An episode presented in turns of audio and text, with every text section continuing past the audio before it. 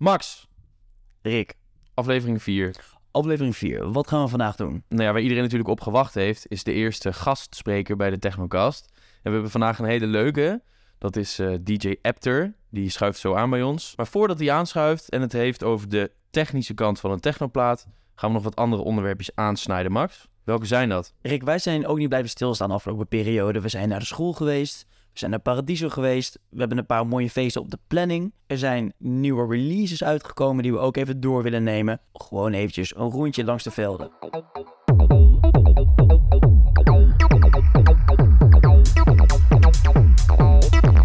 Dat is natuurlijk allemaal leuk en aardig, Max. Paradiso in de school. Maar je vergeet er eentje, afgelopen zaterdag. Awakenings. Om die vervelende paasbrunch met de familie te ontlopen... heeft Ome Rokke van Awakening echt een geweldig concept bedacht. Namelijk zaterdag met Pasen overdag feesten in de gashouder. En wij stonden daar. Wat vond je ervan, Rick? Nou, ik voelde me niet helemaal op mijn plek, want volgens mij was het Boomer United. eh, volgens mij kwamen ze met bussen vanuit de bejaardencentra naar de, naar de graszouder toe. Nee, trouwens, ik was niet de jongste. Ik heb ook een meid gesproken. Ik zeg, wat studeer je? 6 VWO. Inderdaad, we waren wel een van de jongere mensen die daar waren. Wat vond je er muziektechnisch van? Ja, technisch weet ik nog niet zoveel van. Daar gaat Peter ons straks eh, de oren van de kop over praten. we hebben de eerste artiest helaas gemist. Sorry, Carmen Lisa. Maar eh, het zonnetje scheen op ons porum en het pils kwam koud uit de tap. We waren iets laat. Een paar artiesten vielen mee.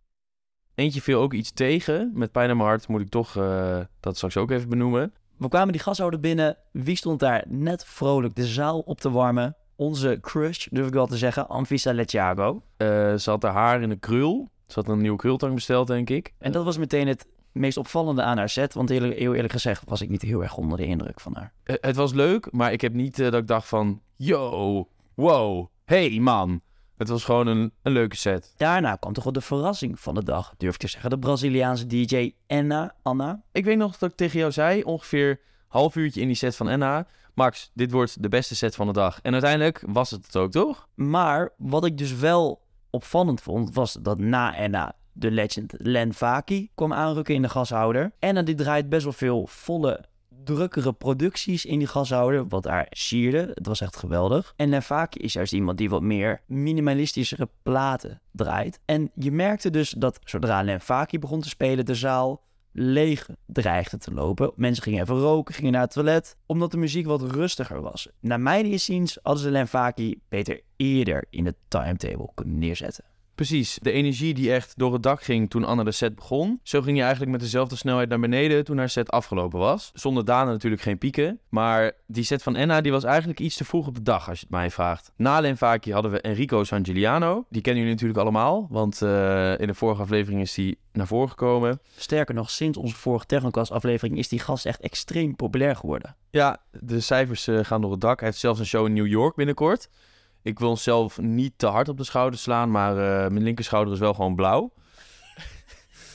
ja, en Rico, ik vraag me ook af of hij wel op de goede plek, op de goede tijd stond. Want de energie waar we het net over hadden bij Enna, die mis ik eigenlijk ook een beetje bij Enrico. We hebben een paar bekende platen voorbij horen komen. Hij begon goed. Hij begon goed, eerste half uur was sterk, maar daarna stagneerde dat een beetje. Ja, inderdaad. Hij begon wat meer rustiger te draaien, wat meer melodischer. Terwijl je op dat tijdstip juist wel even wil doorpakken en echt eventjes Tandje erbij. tandje erbij, inderdaad. Na Enrico was Panpot.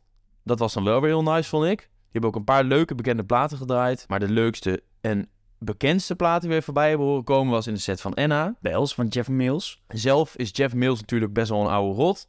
Een Amerikaan. Een van de founders. En ik heb de vergelijking voorbij horen komen dat Jeff Mills voor techno is wat de Beatles voor popmuziek was. Kijk, Kan je daarin vinden? dat kan ik me zeker vinden. En ik vind het ook heel erg leuk dat zij dan zo'n classic op zo'n Awakening set draait. Even los van alle nieuwe producties, toch even zo'n oude banger erin. Zo is dit, Max. Over Awakenings gesproken. Over exact een maand als wij dit opnemen, 13 mei, is ook weer het Awakenings Festival. Ja, ik merk dat ze op de marketingafdeling heel veel aandacht besteden aan het eh, promoten van het festival. Ik weet niet of die nog niet uitverkocht is, maar ik zie hem ongelooflijk vaak voorbij komen. En ik denk dat dat een goede zaak is, want veel Awakenings-fans die houden toch vast aan die oude locatie in Spaarnwoude ten opzichte van de nieuwe in Noord-Brabant. Dus ik denk dat het een mooie editie gaat worden. Over de roze olifant gesproken, Awakenings.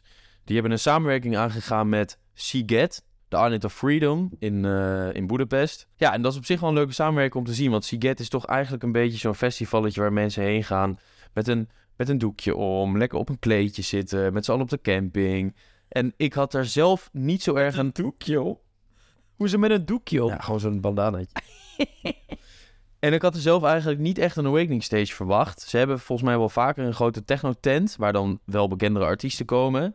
Maar een samenwerking met zo'n commerciële partij is toch wel iets unieks. Voor Awakenings ben je ook naar Paradiso geweest, Rick? Klopt. Ik was naar uh, Mees Salome All Night. A, Distant Night. Get Lost in Time and Space. De locatie sloot goed aan bij de stijl muziek die er gedraaid werd. Mees had een mooie, mooie laser slash lichtshow meegenomen. Mees die moest uh, zes uur draaien, zes uur lang. En je merkte echt dat hij van tevoren, in ieder geval dat is wat ik dacht dat hij gedaan heeft. Meestal als je niet hebt gedaan, moet je het nu toegeven. Echt goed geselecteerd hebt wat je wanneer wil draaien. Ik merkte echt dat er een, ja, het klinkt heel cliché, maar een verhaal werd verteld. Ook heb ik wat fans mogen ontmoeten. Leuk om jullie te zien. Ik heb een leuke dag gehad, Max. Ik wil eventjes naar het volgende onderwerp, namelijk een nieuwe release die ik even wil aanstippen. Um, dat is van artiest Ines. Die heeft onlangs ook een samenwerking gedaan met Rodhead. Een van de grootheden van de scene, durf ik wel te zeggen. Deze man maakt echt zulke fantastische platen. Wel een stuk rustiger dan snelle, groovy, uptempo techno. Wat je misschien wel gewend bent van mij. Zijn platen klinken echt zo organisch, bijna. En heel natuurlijk. Ik vind dat die gast echt zulke geweldige muziek maakt. Ik... Oké, ik heb ook een keer na een bols heb ik hem naar Instagram DM gestuurd. Hey, mocht ik je interviewen voor de Technocast? Maar daar had hij natuurlijk geen tijd voor. heel triest. Maar in ieder geval, zijn nieuwe EP heet Aventurine? Adventure? Zien? Nee, hoe, de, hoe zeg je dit? Aventurine. Aventurine.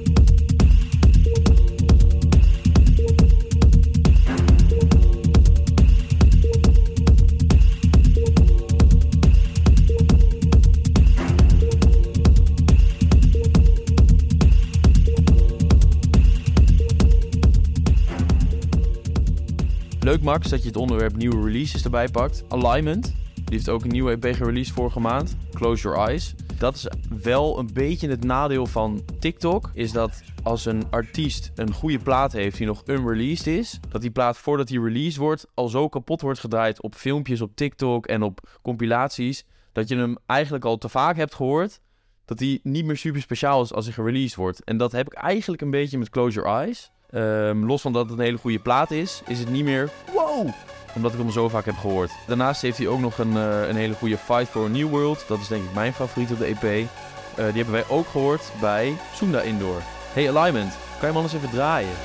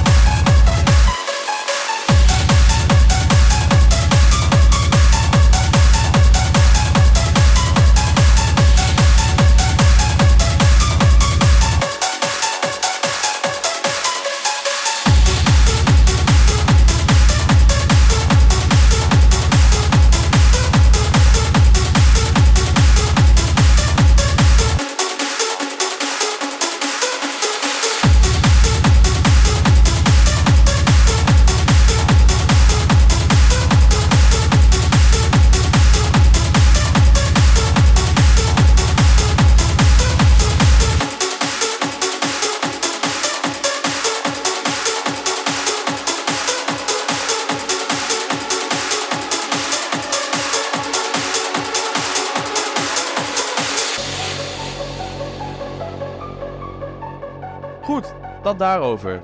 Kunnen we nu naar het hoofdonderwerp van de dag. The moment everyone has been waiting for. Peter, Je hebt aangeschoven in onze studio. Dat klopt. Dankjewel eh voor de uitnodiging. Jij gaat ons vandaag meer vertellen over de technische kant van de Technoplaat. Maar eerst zijn wij benieuwd naar hoe jij als DJ bent begonnen.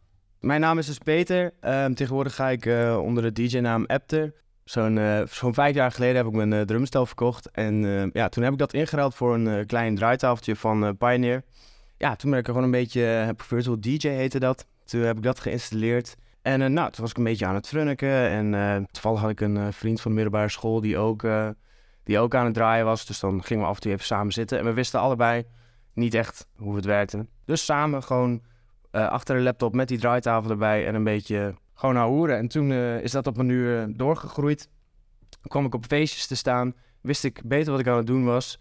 Ja, eh, na, na die feestjes. Toen was ik heel brutaal. Toen heb ik gewoon een filmpje ooit eh, opgestuurd naar een, eh een evenementenorganisatie hier uit de stad, Kopjek. En die hebben mij toen een kwartiertje laten draaien. Ik vond dat wel echt heel leuk. En toevallig had ik die volgende dag ook gelijk een, een technofeest in Leeuwarden waar ik mocht draaien. Ja, toen eigenlijk hitte de coronaperiode. nog even terug naar wat je net zei over... ehm, want ik kan me niet voorstellen dat jij vanuit je zolderkamertje, je rukbunker achter die laptop ineens bij Kopjek stond. Nee, Eh, of, op, of, of op feesten. Hoe kom je bij zo'n zo'n feest, zeg maar? Weten mensen dat jij dan daarmee aan het klooien bent en zeggen ze... Eh, we nodigen die Peter uit? Of hoe gaat dat? Ja, ik had gewoon een, een vriendengroep die eh, al heel, heel veel hield van techno. Op een duur heb ik gewoon gezegd van... ja, jongens, ik kan ook gewoon, mijn draaitafel meenemen. En dan kunnen jullie ook een beetje uitproberen. Kan ik wat uitproberen? En eigenlijk viel het gewoon heel goed in de smaak. Nou ja, een paar feestjes later toen... inderdaad, wat ik zei, toen was er een eh, opname gemaakt van een, van een nummer. Dat was toen volgens mij van eh eh, Cancraft, Zombie Nation. Die kennen we wel. Dat, eh, uiteraard. En eh, iedereen natuurlijk eh, keihard losgaan. En dat was een video, dat was gemaakt op een feestje waar jij draaide. Precies, ja. Oké, dan vraag jij gewoon een of andere lamme klootzak in de hoek. Hé, hey, film even. Ja, nou ja, zo is het wel ongeveer gegaan, ja. Was ik die lamme klootzak of niet? Eh, nee, jij was niet die lamme klootzak. Oké. Nou ja, vervolgens heb ik dat filmpje dus opgestuurd. Toen waren de, de, de organisatoren van, van Kopjek, die waren enthousiast en die dachten van... eh, eh, ja, we geven deze jongen gewoon een kans. En eh, toen mocht ik daar dus heen. Daar ging het publiek ook helemaal weer los. Maar dat was eigenlijk jouw eerste gig, toch? Ja, Bij dat was de eerste echte gig, inderdaad. En hoe voelt het dan? Ben je dan niet echt knijter zenuwachtig? Ik was echt heel erg zenuwachtig. Ja? Ook al was het, het was niet een hele grote zaal, maar je had natuurlijk van die grote eh, CJ-spelers, CG. En eh, ja, ik ha- ha- had daar nog één of twee keer op gedraaid. En opeens moet je voor een publiek en er staan allemaal andere mensen mee te kijken. En ik echt, ik barstte van de zenuwen. Ja, uiteindelijk een paar foutjes gemaakt, maar ik had zulke lekkere nummers eh, uitgekozen dat het eh, niet zo niet zoveel uitmaakt. En je had het net ook over een paar foutjes. Waar moeten we dan aan denken? Muziek uit? Eh, nee, de muziek ging niet uit. Maar je hebt natuurlijk als je de ene Een plaat... kabel eruit. Oh, s- sorry. Je hebt natuurlijk, als je de ene plaat in de andere mixt, eh, moeten de, de BPM-levels moeten gelijk zijn. Eh, en je moet ze, nou ja, de, de muziek moet een beetje aansluiten natuurlijk. En dat was nu niet helemaal het geval. Ik had het niet, ik had niet helemaal op het juiste tempo staan. En toen klonk het wat rommelig. Maar ja, dan switch je gewoon snel van kanaal en dan eh, uiteindelijk gaat die er wel weer los. Dat is ook het mooie, hè? Tuurlijk, je, je kan dan een foutje maken, maar als de plaat gewoon lekker is, dan... Maar dat vind ik ook altijd belangrijk. Weet je, je, de selectie aan tracks die je meeneemt naar een gig is gewoon net zo belangrijk als de skills die je hebt, 100%. Oké, want wat maakt voor jou dan een goede DJ-set? Als je een set van bijvoorbeeld twee uur hebt, dan moet je wel echt een soort van leidraad daarin hebben dat je een paar cooling downs hebt, wat rustigere nummers en ja, eh, een paar keiharde beukers. Ik vind het altijd fijn om gewoon met harde platen te beginnen, zodat je het publiek echt vastpakt. En dan bouw je langzamer wat af. En dan doe je nog een keer weer een opbouw. En dan op het laatst kun je ervoor kiezen om juist keihard te gaan rammen. Of juist wat meer ja, zweveriger eh, ja, af te sluiten. Dat verschilt per avond. Ik kan me goed herinneren, afgelopen december hadden we een, eh een ergens in het centrum hier in een kelder. Waar jij dan ook eh, ingehuurd was. En eh, ik kan me goed herinneren inderdaad dat halverwege dat je even een stapje terugnam. En dat ik vroeg van, waarom doe je dat nou? Maar toen zei je van, ja, het is ook belangrijk om af en toe even, even iets af te bouwen. Ja, zonder dalen natuurlijk geen pieken. Dus, Prachtig gezegd. Ja. Zonder daden geen pieken. dus af en toe moet je gewoon iets het tempo omlaag nemen. eh, want ik sta dan ook wel eens op technofeesten waar het echt alleen maar keihard doorrammen is. En ja, persoonlijk ben ik er dan heel snel klaar mee. Ja. Er is er niet echt een verhaallijn in de set. Ja, precies. En het, ik vind dat het een beetje cheesy klinken of zo. Maar het, ja, je moet wel proberen om een beetje een verhaal te vertellen, denk ik. Toen had je dus eh, je eerst op, echt optreden bij Copyek gehad. En toen, eh, toen klapte die lockdown erin. Ja. Wat heb je tijdens de lockdown gedaan op het gebied van optredens? Ja, dat was natuurlijk heel lastig. Je zag heel veel professionele DJ's die namen veel live sets op, eh, streamen. Ik had gewoon de apparatuur daar niet voor. Ik zat wel met een paar jongens en dachten van, nou, is leuk om een keer wat te doen. Maar uiteindelijk, ja, we hadden geen professionele camera. en Het zag er allemaal niet top uit. Er waren wel eh, natuurlijk underground eh, wat feestjes. Eh, zo was er een eh, studentenhuis waar ik eh, lang heb... waar ik veel feestjes heb gehad. Daar had jij een residency. Daar had ik eh, een soort van residen- residency, ja. ja, dat was toch wel eh, een soort van toevluchtsoord eh, van veel studenten die toch nog zin hadden in een feestje. In een studentenhuis. In een studentenhuis, ja. Maar eh, ik heb ook echt gewoon grote boerderijenraves heb ik meegemaakt in, eh, in de coronaperiode. Dat was echt gewoon groots opgezet. Ergens midden op platteland van Groningen was gewoon echt een keiharde rave eh, gaande. Waar dus ook professionele apparatuur aanwezig was. En waar ik dus ook mocht draaien. Dat was toen ook voor, ik, ik heb daar wel zes uur staan draaien, denk ik. Ja, ik weet niet, de, de hele sfeer. Je had gewoon, doordat iedereen er weer zoveel zin in had na zo'n periode van niks eigenlijk. Ehm, dus daar heel veel technoplaatjes gedraaid, was heel leuk. En verder, ja, wel wat setjes opgenomen, maar eh, die staan helaas ook niet meer online. Eh, daar binnenkort meer weer wat van. En dan komt er dus een tijd dat de lockdown voorbij is. En dat je je dan zelf moet promoten om op legale feesten te gaan draaien. Hoe ging dat dan precies in zijn werk? Ehm, ik moet zeggen dat ik daar, dat vond ik vrij moeizaam. Er waren nog steeds veel huisfeesten waar ik terecht kon. Ook veel andere dingen zoals bijvoorbeeld beurzen of, eh, of markten waar ik dan gewoon de muziek kon verzorgen. Maar ja, dat was natuurlijk niet helemaal wat ik wilde. Ik kon er wel, ik kreeg natuurlijk wel geld voor. Maar ik wilde liever gewoon op een keihard technofeest staan. Alleen ja, eh, ik was niet de enige die in de coronaperiode dacht van ja, laat ik muziek gaan maken. Dus er is, in die periode hebben heel veel mensen een draaitafel gekocht en zijn gaan draaien. En is het gewoon, ja, het lijkt wel alsof iedereen opeens een DJ is. Ja, ik heb jou op een gegeven moment ook eh, zien draaien bij een intro lunch van de Keiweek hier. Dat klopt. En volgens mij ook zelfs nog een keer bij een eh, school-evenement ergens met, eh, met allemaal kids. Klopt, dat, dat zijn er wel dingen die vind ik dan leuk om tussendoor te doen. Maar dat is niet waarom ik DJ ben geworden. Het liefst draai ik gewoon een set van twee uur en geef ik gewoon alles. Maar ja, wat ik zei, er is veel concurrentie en ook niet alle feesten vind ik even leuk. En het ligt ook aan de organisator. En, maar ja, ik ben nu wel, ik zit in een community hier in Groningen met allemaal mede-DJ's. En er wordt ook heel vaak gewoon een oproep geplaatst van wie kan daar en daar draaien. En dan vervolgens eh, reageer je daarop. En eh, ja, zo kom je ook wel eens aan een gig eigenlijk. Dat is ook handig. Oké, hey, en mooi bruggetje. Net zei je al dat jij in de coronatijd ook bezig ging met het maken van je eigen muziek. Ja, Ehm, kan je wat vertellen over je eigen productie? Hoe ben je daarmee begonnen? Ik kon niet echt meer op plekken draaien, dus ik dacht van, nou, ik wil ook zelf gewoon muziek gaan maken. Lijkt me super tof. Ehm, ik wist dan nog niet zo goed wat ik wilde gaan maken, met name eh, techno. Maar ik vond house muziek vond ik ook altijd wel lekker. Dus ik was daarmee een beetje, het was net wat voor dag het was, ehm, waar ik zin in had. Dus ja, een beetje techno gaan maken. Eh, we hadden het er net over dat, dat ik wel wat plaatjes online had gegooid. Via een distributiecentrum kun je dan dingen op, eh, of een distributiebedrijf kun je dan dingen op Spotify zetten. Achteraf dan denk je van eh, toch niet goed genoeg. Als dit mijn visitekaartje is, dan, eh, dan moet het toch beter. Oké, dus je kijkt zeg maar naar je eerste producties een beetje teleurstellend.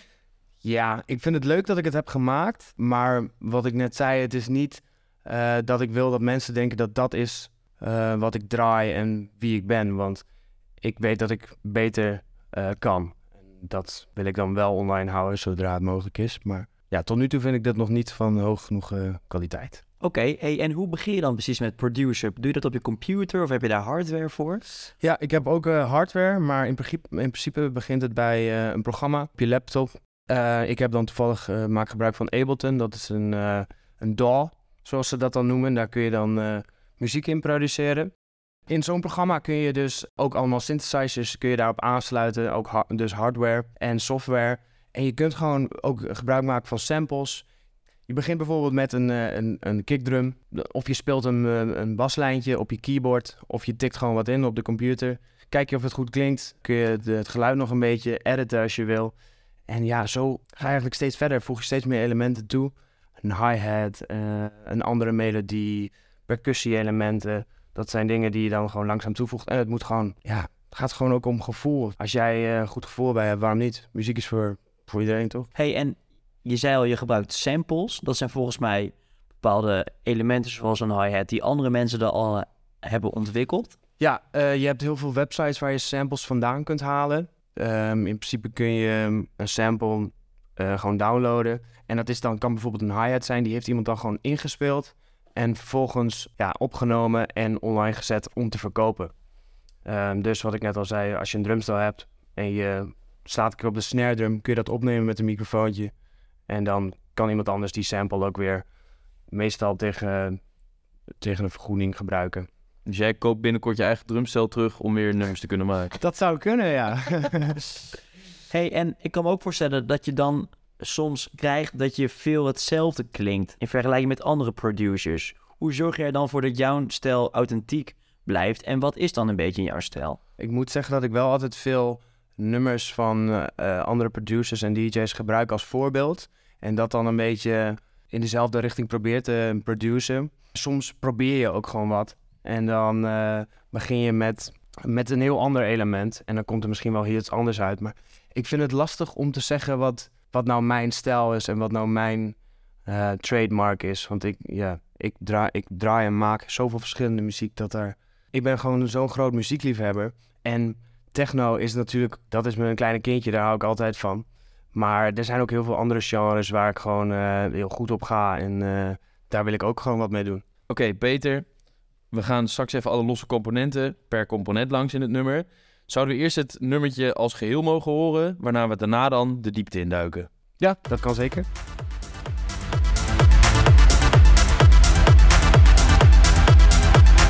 Neem ons mee door de lagen, Peter. Oké. Waar begin jij mee? Ja, meestal beginnen, begin, begin je met een kickdrum. Je wil gewoon een goede kick. Maar het kan ook zijn dat je begint met een baslijntje. Maar eigenlijk bij techno is het zo dat alles is om de kick heen gebouwd. Eh, je wil gewoon een harde, goede kick. En dan zorg je ervoor dat de bas goed aansluit ehm, bij de kick. En daar heb je dan ook nog eh, compressors voor en andere tools. Oké, ik ga echt heel veel kinderachtige vragen stellen misschien. Ja. Maar wat, wat is een kick en wat is een compressor? Zo, oké. Ehm, een kick, om het even in Japanneka taal uit te leggen, is gewoon... Ja, het is gewoon... De, de BPM, toch? Ja, de BPM, eh, de keiharde klappen die je hoort in techno. Dat is een kick. En wat is de base dan? Want ik dacht dat dat dus altijd de BPM definieerde. Nee, het is altijd eh, de kick. Eh, hoeveel kicks per minuut ehm, zijn er? En dat is bij techno meestal 130 plus. En het kan voelen dat het sneller is, omdat je bijvoorbeeld een heel snel baslijntje is. Maar de kick, die bepaalt hoe, eh, welk tempo. En zouden we zo'n kick kunnen horen misschien? Natuurlijk, ik heb hier eentje meegenomen. Nou, dat is een beetje de leidraad die je neemt. En daaronder komt dan meestal bij techno een subbas. Ehm, die is eh, voor je oren niet altijd hoorbaar. Eh, soms ook wel, maar je voelt hem met name heel erg. Eh, als je op een technofeest, dan hoor je echt nou ja, de bas natuurlijk door je lichaam. Dus die kan ik je nu ook niet goed laten horen. Maar ik heb wel een baslijntje hier. En die hoor je dan wel. En die is wat melodischer. En die komt dan meestal bovenop de kick en de subbas eh, te liggen. En eh, nou, dat klinkt dan eh, in dit geval ongeveer zo. Je hoort inderdaad best wel goed dat die kick de hele tijd hetzelfde is. Maar dat het subbasje nog wel eens qua melodie, nou ja, tudun, tudun, iets hoger of iets Ja. lager wordt. En is dat dan gebruikelijk dat je bij techno dan een lekker baslijntje hebt? Ik hou ontzettend veel van baslijntjes. En helemaal de diepe, eh, diepe bas die echt door je lichaam heen gaat, eh, vind ik echt heel vet. En nou ja, bij dit kun je wat meer horen dat er wat meer ook ritme in zit. Maar je hebt natuurlijk ook hele ja, uitgerekte baslijnen die echt ook kaboom. En dan, ik weet niet, dat geeft ook een bepaald gevoel. Maar ik ben wel enigszins verbaasd dat de bass, wat ik als luisteraar puur als de bass bestempel, op de computer dus uit meerdere lagen bestaat. Ja, eigenlijk wel. Dat is, ja, als je wat minder van af weet, dan, ja, dan weet je niet eens van het bestaan van een subbase. En dan denk je van, oh, het is een baslijntje en that's it. Maar uh, ja, er is wel dergelijk een subbase die ook voelt. En die uh, sluit aan bij de kick. Ja, en dan krijg je een soort van ritme ook in het, uh, in het nummer. En ieder nummer begin jij dus bij de bass? Meestal begin, begint een techno-nummer altijd bij de kick. En dan maak je daar een baslijntje op. Daarna komen de melodieën en voeg je meer elementen toe, zoals hi-hats en percussie. Um, maar ja, uh, wie ben ik om te zeggen dat je precies daar moet beginnen? Elke producer doet dat anders. Oké, okay, het verbaast me wel dat je dan daar eerder mee begint dan een melodie bijvoorbeeld. Ja, dat, dat kan ook. Maar ja, techno is met name gewoon veel rammen en een melodie komt meestal over de kick en de bass heen. Maar ja, het hoeft niet per se. Dat verschilt natuurlijk ook per, lijkt me per genre een beetje. Want... Ja, bijvoorbeeld als je, uh, neemt, als je een Joris voorneemt, die, uh, die produceert gewoon heel veel, die speelt dan wat in op zijn keyboard of synthesizer. En dan vervolgens plakt hij er een mooi, uh, mooie kick bij en een goede baslijn. Um, maar ja, er zijn ook heel veel andere producers, waaronder dus ik, die liever gewoon begint met een kick en een bass. En dan bouw ik de melodie daarop. Maar ja, je kunt het ook andersom doen. We horen nu Apter in één adem met Joris Voorn als mede-producer. Ja, Twee schools of thought. Hij is natuurlijk wel echt next level. Maar we hebben dus nu de componenten van de, de bass. Een technonummer bestaat uit meer geluidjes en deals en datjes. Uh, ja, wat kan je er nog meer bijvoegen? Welke lagen heb je nog meer? Nou, we hadden het net al even over de melodie en de percussie. Uh, daaronder valt eigenlijk ook een beetje de, de hi-hat. Nou ja, de hi-hat zijn zo die er tussendoor hoort. Die zijn lekker. Ik uh, heb afgelopen weekend Len Faki mogen aanschouwen in de Gasholder. En wat wel leuk is, is dat die Len Faki heel, uh, heel veel speelt met die hi-hats. En dat onder, onderscheidt hem ook een beetje. Net voor dat dropje, dan hoor je zo zo'n hi-hatje. Zo ja. Dat is lekker dat, dat je dan als standaard component er ook mee kan klooien dat het net iets anders klinkt. Klopt. Je kunt uh, de hi-hat ook vervormen zoals je dat zelf wil. Uh, nou ja, je kunt er allemaal uh, audio effects overheen gooien. Zoals een, uh, een flanger, om het zo maar te noemen. en dan krijg je een beetje dat het een zoomend geluid over de hi-hats heen komt. Ja, wat er dus voor zorgt voor meer ja, dynamiek in het nummer. En hier tussendoor hoor je ook nog een shaker. Zo'n ja, soort van sandbalbal. En ja, nog wat, wat kleine percussie. wat is percussie? Dat zijn, uh, ja, dat zijn slagwerk, uh, dingen zoals, uh, ja... Een trommel. Ja, dat zou kunnen inderdaad, ja. En dan komen we uiteindelijk uit op de melodie. Um, ik weet dat jij ook allemaal spulletjes hebt staan in je studio slash slaapkamer. Laat het even studio noemen. Oké. Okay. Hoe bedenk je dat? En hoe klinkt dat? Zou je wat kunnen laten horen, wat van jou is? Um, ja, hoe ik dat bedenk. Uh, inspiratie is natuurlijk, uh, kun je uit heel veel, heel veel plekken halen. Maar meestal uh, ben je gewoon wat aan het klooien op een keyboard of synthesizer. En ja, als het lekker klinkt, dan klinkt het lekker. Je neemt natuurlijk wel altijd een, een key waar je dan in speelt. Ehm, dus het moet wel allemaal in dezelfde toonhoogte moet het zitten. Anders klinkt het meestal kut. Hey, en een synthesizer, dat is eigenlijk een keyboard waarvan je de klanktoon kan aanpassen. Zeg ik dat goed? Uh, ja, eigenlijk wel. Je uh, hebt allemaal knopjes daarop zitten en daar kun je het geluid mee vervormen. Uh, dus je speelt wat in en tegelijkertijd kun je ook aan die knopjes draaien. En dan krijg je bijvoorbeeld een heel ander geluid. Dan krijg je misschien wat de hoge frequenties wat meer aan bod komen. Of juist de lage of het geluid wordt korter of sneller. Dat... Is dat wat je Stefan Botsin altijd live ziet doen met zijn kale? Klopt. Dat is zo als een, als een, als een, als een hele goede kundige autist dan aan die, aan die synth loopt te draaien. Ja, hij, hij, de, het mooie vind ik daarvan altijd dan de kick blijft hetzelfde. Maar de melodie gaat soms ook wel eens sneller of trager. Waardoor je een heel soort van uh, hypnotiserend effect krijgt. Want je blijft gewoon doordansen, maar je hoofd denkt ook van wat gebeurt er met de melodie. En dat eh, doet hij altijd heel goed. Eh, melodie bestaat eigenlijk ook nog uit eh, verschillende componenten. Meestal heb je een main lead of melodie die een beetje de toon bepaalt. En daarover heb je nog weer allerlei andere kleine melodietjes. ik zou even wat laten horen. Dit is dan de main lead, om het zo maar te noemen. En daarover komt dan nog een kleine arp, zoals ze dat noemen. Die maakt eigenlijk een soort van trappetjes op het keyboard. Die gaat zo. En dan ja, gaat hij steeds van hoog naar laag. En die komt dan nog over de melodie heen. Je hebt zoals ze dat in, bij techno noemen, heb je een drone. En dat is een soort van ja, zoemend, basachtig geluid. Wat er ook nog meestal bij komt.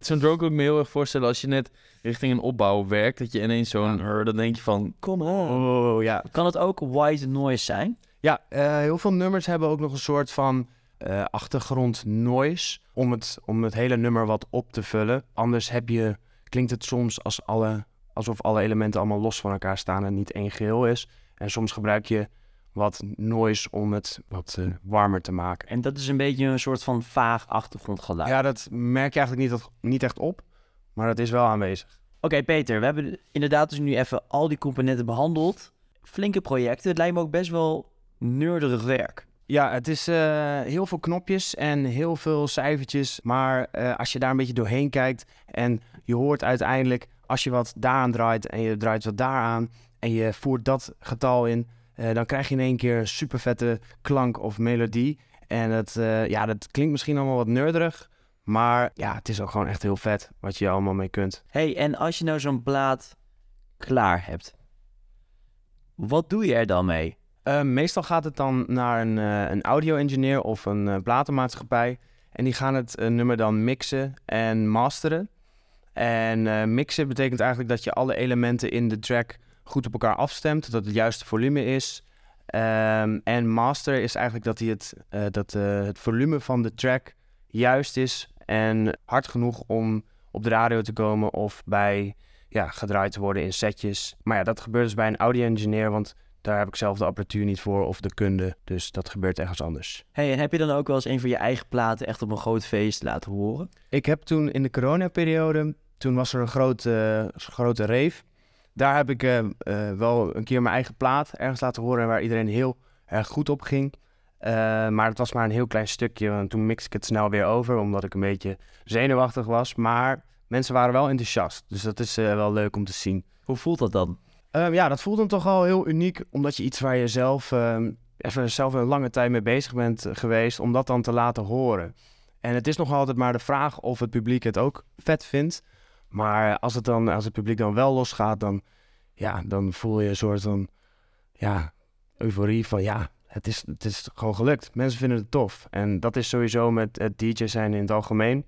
Als je gewoon vette muziek kunt draaien en mensen, ja, je krijgt zoveel waardering voor terug als het publiek losgaat. En nou ja, in combinatie met je eigen muziek, het is gewoon een super toffe hobby slash eh, werk. Het is Peter, wat kunnen we nou van jou verwachten aankomende tijd? Op het gebied van DJ en producing. Om te beginnen bij het DJ'en. Vanaf mei en eh, nu ook eind april na Koningsdag eh, ga ik vaker draaien bij een, eh, nou, bar dancing hier in de stad Groningen. De, het Pakhuis heet dat. De heel gemixt volk komt daar altijd. Ehm, maar het leuke aan die plek is dat je heel erg je eigen draai kunt geven aan ehm, ja, wat voor muziek je draait. En als daar af en toe een techno-nummer doorheen komt, vinden mensen dat ook heel vet. Maar ja, je moet ook een beetje rekening houden met het publiek. Dus meezingetje zo nu en dan eh, hoort er ook bij. Draai je een hele avond of een uurtje? Ik eh, draai dan een hele avond. meestal van 11, eh 11 uur s avonds tot, tot 5 uur s ochtends. Dus best een lange rit. Het is, het is wel een, een mix van, van stijlen natuurlijk. Ehm, ja, je zou kunnen zeggen dat ik dan daar functioneer als allround DJ. Dus verschillende genres. Maar ik, ik, ik heb altijd standaard dat ik rond een uurtje of half vier wel eh, de knop omdraai en gewoon techno eh, ga knallen. Dus dat vanaf, eh, vanaf eh, mei, eind april ga ik daar eh, vaker draaien. En ik heb ook wat lopen met, eh met Cilinder. Dat is een, eh, een cocktailbar hier in de stad. Eh, dat zit vlakbij Oost. Het is van dezelfde eigenaar als Oost. Ja, en ik hoop via daar misschien mijn, eh, mijn weg te vinden naar eh, ook Oost als club zijnde. Dat ik daar ook kan draaien. hey, en zes uur lang draaien, bereid je dan al die platen voor voordat je daar komt? Want ik kan me ook voorstellen dat die overgangen, dat je daar even op moet oefenen. Of doe je dat allemaal op het moment zelf? Nou ja, als DJ is het heel erg belangrijk dat je je platen echt door en door kent. Maar eh, ik ga niet alles uitzoeken, want je weet natuurlijk niet hoe het publiek eh, reageert. Maar ik maak wel eh, grofweg een soort van hoofdlijn in, in de platen. Dus wat ik al zei, ik heb wel een lijst met platen waarmee ik afsluit. Eh, waarmee ik mensen wil pleasen. Dus eh, ja, meezingertjes en dat soort dingen. En eh, platen om mee te beginnen. Binnen het vakgebied HR noemen wij dit een semi-gestructureerd eh, opzetje. Je hebt dus wel een grote lijn over hoe je het eh, wil aanpakken, maar er is nog wel enige ruimte voor flexibiliteit in de gig. Precies. En dat is precies hoe ik ja, richting zo'n optreden ga. Ik bereid natuurlijk het een en ander voor. Maar ja, soms moet je het ook gewoon aanvoelen. En heeft het publiek zin in wat anders, dan eh, pas ik me daar ook wel een beetje aan aan. Niet helemaal, want ik heb natuurlijk ook mijn eigen stijl. En eh, mensen komen ook voor mij. Alleen, eh, ja, soms vind ik het ook leuk om een keer wat anders te doen. Ik heb dan nog één vraagje. Je zegt als het publiek iets anders wil horen, moet je daarop aanpassen. Hoe ga jij om met mensen die een verzoekje aanvragen als je aan het draaien bent? Ehm, Even een platte hand op de wang. Pat. Nou, dat nog net niet. Maar ehm, ik heb wel vaak dat, dat ik denk van ja, dit past gewoon totaal niet in het plaatje. Dus dan zeg ik van eh, nee jongens, eh, dat nummer heb ik niet. Stiekem heb ik hem wel, maar eh, ehm,